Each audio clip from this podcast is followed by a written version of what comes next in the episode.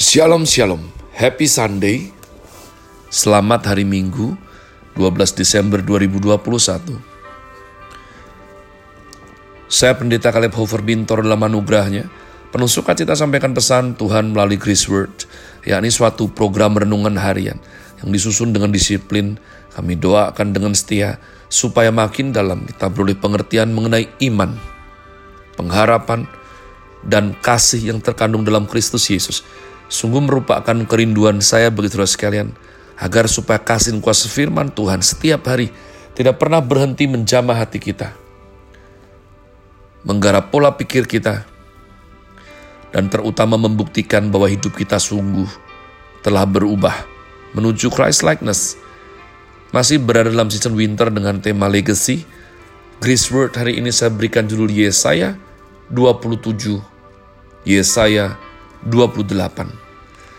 Sebab demikianlah komitmen membaca kitab suci hingga habis, yang mana sesuai agenda kita medley, Yesaya 27, Yesaya 28, Israel diselamatkan. Saya berdoa sebab uh, sifatnya panjang, jadi walaupun tanpa penjabaran, pada saat setiap ayat disampaikan, saya berdoa sungguh-sungguh supaya urapan Tuhan itu turun dan Betul-betul, ayat itu menjadi roti yang hidup. Menjadi firman Tuhan yang berkuasa. Sehingga berbicara di sanubari saudara. Sehingga Anda yang mendengarkannya beroleh sesuatu. Daripada pembacaan yang dibacakan oleh manusia biasa. Yang diurapi oleh roh Tuhan yang luar biasa. Pada waktu itu, Tuhan akan melaksanakan hukuman dengan pedangnya yang keras, besar, dan kuat atas Lewiatan, ular yang meluncur, atas Lewiatan, ular yang melingkar, dan ia akan membunuh ular naga yang di laut. Pada waktu itu akan dikatakan, bernyanyilah tentang kebun anggur yang elok. Aku Tuhan penjaganya. Setiap saat aku menyiraminya, supaya jangan orang mengganggunya. Siang malam aku menjaganya kehangatan murkanya tiada padaku.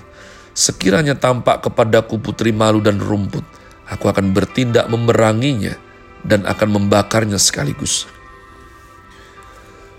Kecuali kalau mereka mencari perlindungan kepadaku dan mencari damai dengan aku, ya, mencari damai dengan aku.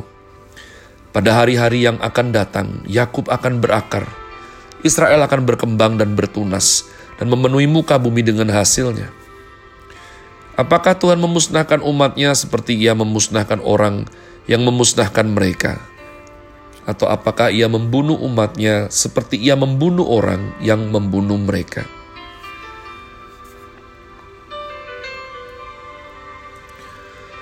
Dengan menghalau dan dengan mengusir mereka, engkau telah melawan mereka. Ia telah menyisihkan mereka dengan anginnya yang keras di waktu angin timur maka beginilah akan dihapuskan kesalahan Yakub. Dan inilah buahnya kalau ia menjauhkan dosanya. Ia akan membuat segala batu mesbah seperti batu-batu kapur yang dipecah-pecahkan, sehingga tiada lagi tiang-tiang berhala dan pedupaan-pedupaan yang tinggal berdiri.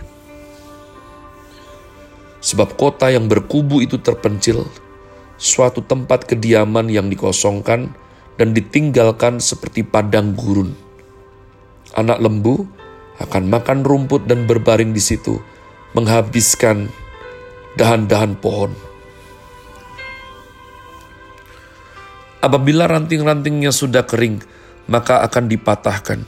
Perempuan-perempuan akan datang dan menyalakannya, sebab inilah suatu bangsa yang tidak berakal budi. Itulah sebabnya dia tidak disayangi oleh dia yang menjadikannya dan tidak dikasihi oleh dia yang membentuknya.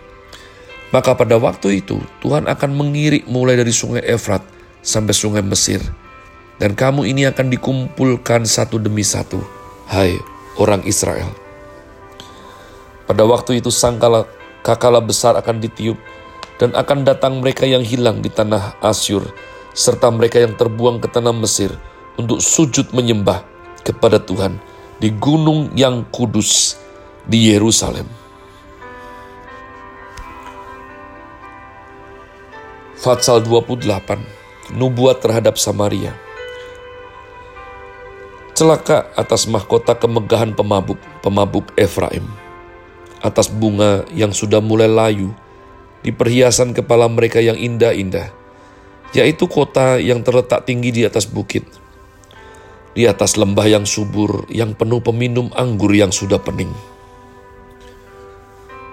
Sesungguhnya, pada Tuhan ada seorang yang kuat dan tegap, seorang yang seperti angin ribut disertai hujan batu, yakni badai yang membinasakan. Seorang yang seperti angin ribut disertai air hujan yang hebat menghanyutkan. Ia akan menghempaskan mereka ke tanah dengan kekerasan. Mahkota kemegahan pemabuk-pemabuk Efraim itu akan diinjak-injak dengan kaki dan bunga yang sudah mulai layu di perhiasan kepala mereka yang indah-indah itu, yaitu kota yang terletak tinggi di atas bukit, di atas lembah yang subur.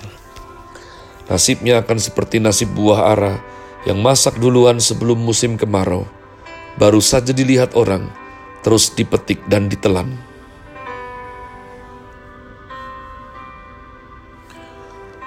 Pada waktu itu Tuhan semesta alam akan menjadi mahkota kepermaian dan perhiasan kepala yang indah-indah bagi sisa umatnya. Akan menjadi roh keadilan bagi orang yang duduk mengadili, dan menjadi roh kepahlawanan bagi orang yang memukul mundur peperangan ke arah pintu gerbang. Ayat 7 terhadap pemimpin-pemimpin Yerusalem. Tetapi orang-orang di sini pun pening karena anggur, dan pusing karena arak. Baik imam maupun nabi pening karena arak. Kacau oleh anggur. Mereka pusing oleh arak. Pening pada waktu melihat penglihatan. Goyang pada waktu memberi keputusan. Sungguh, segala meja penuh dengan muntah, kotoran, sehingga tidak ada tempat yang bersih lagi. Dan orang berkata, kepada siapakah dia ini mau mengajarkan pengetahuannya dan kepada siapakah ia mau menjelaskan nubuat-nubuatnya, seolah-olah kepada anak yang baru disapih dan yang baru cerai susu. Sebab harus ini, harus itu, mesti begini, mesti begitu, tambah ini, tambah itu. Sungguh, oleh orang-orang yang berlogat ganjil dan oleh orang-orang yang berbahasa asing akan berbicara kepada bangsa ini dia yang telah berfirman kepada mereka, inilah tempat perhentian. Berilah perhentian kepada orang yang lelah, inilah tempat peristirahatan. Tetapi mereka tidak mau mendengarkan. Maka mereka akan mendengarkan firman Tuhan yang begini. Harus ini, harus itu. Mesti begini, mesti begitu. Tambah ini, tambah itu. Supaya dalam berjalan mereka jatuh telentang sehingga luka tertangkap dan tertawan.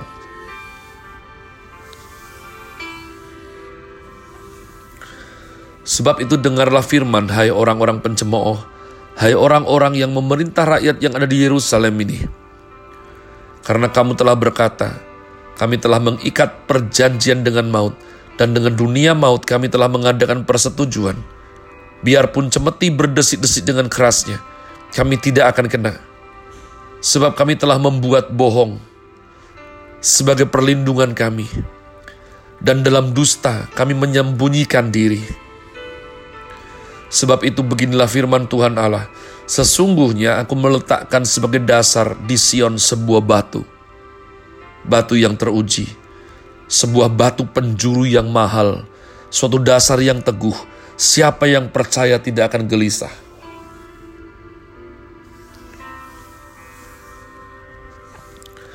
Dan aku akan membuat keadilan menjadi tali pengukur dan kebenaran menjadi tali sifat.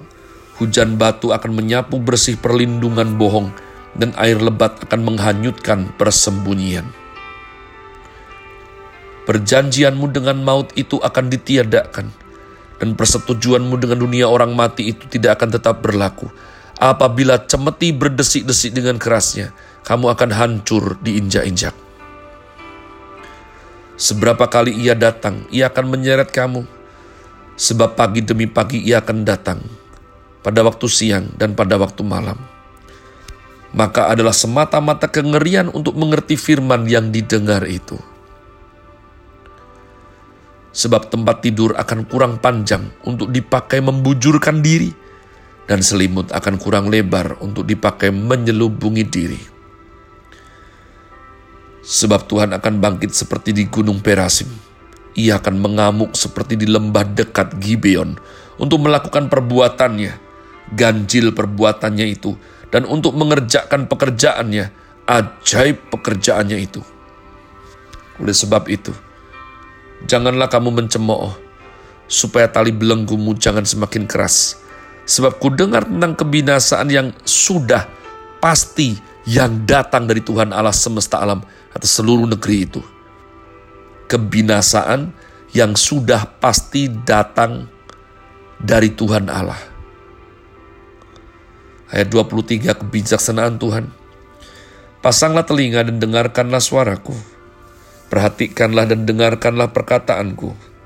Setiap harikah orang membajak, mencangkul, dan menyisir tanahnya untuk menabur? Bukankah setelah meratakan tanahnya, ia menyerakkan jintan hitam dan menebarkan jintan putih, menaruh gandum jamamut dan jelai kehitam-hitaman dan sekawi di pinggirnya. Mengenai adat kebiasaan ia telah diajari, diberi petunjuk oleh Allahnya. Sebab jintan hitam tidak diirik dengan eretan pengirik, dan roda gerobak tidak dipakai untuk menggiling jintan putih, tetapi jintan hitam diirik dengan memukul-mukulnya dengan galah, dan jintan putih dengan tongkat. Apakah orang waktu mengirik memukul gandum sampai hancur? Sungguh tidak. Orang tidak terus-menerus memukul memukulnya sampai hancur.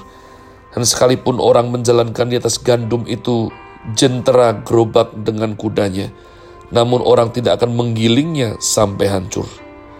Dan ini pun datangnya dari Tuhan semesta alam. Ia ajaib dalam keputusan dan agung dalam kebinasaan. Saya berdoa sungguh supaya kita beroleh sesuatu dan Tuhan berbicara pribadi lepas pribadi. Happy Sunday, Tuhan Yesus memberkati saudara sekalian.